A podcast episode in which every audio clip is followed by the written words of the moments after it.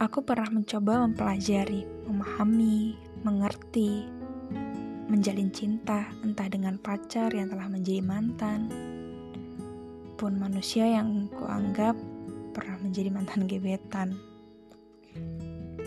Karena cinta yang terlalu nyaman hingga akhirnya hanya menjadi teman seperjuangan. Tersadar bahwa semua hanyalah jalan yang diskenariokan Tuhan menjadikan aku tetap dengan satu tujuan. Menjalin hubungan dengan mantan dan kawan tetap mengingatkan aku kepada sosok yang tidak pernah bisa aku lupakan pun aku singkirkan. Jika demikian, apakah ia sebuah jalan? Apakah ia yang kau rencanakan? Apakah ia yang kau pilihkan?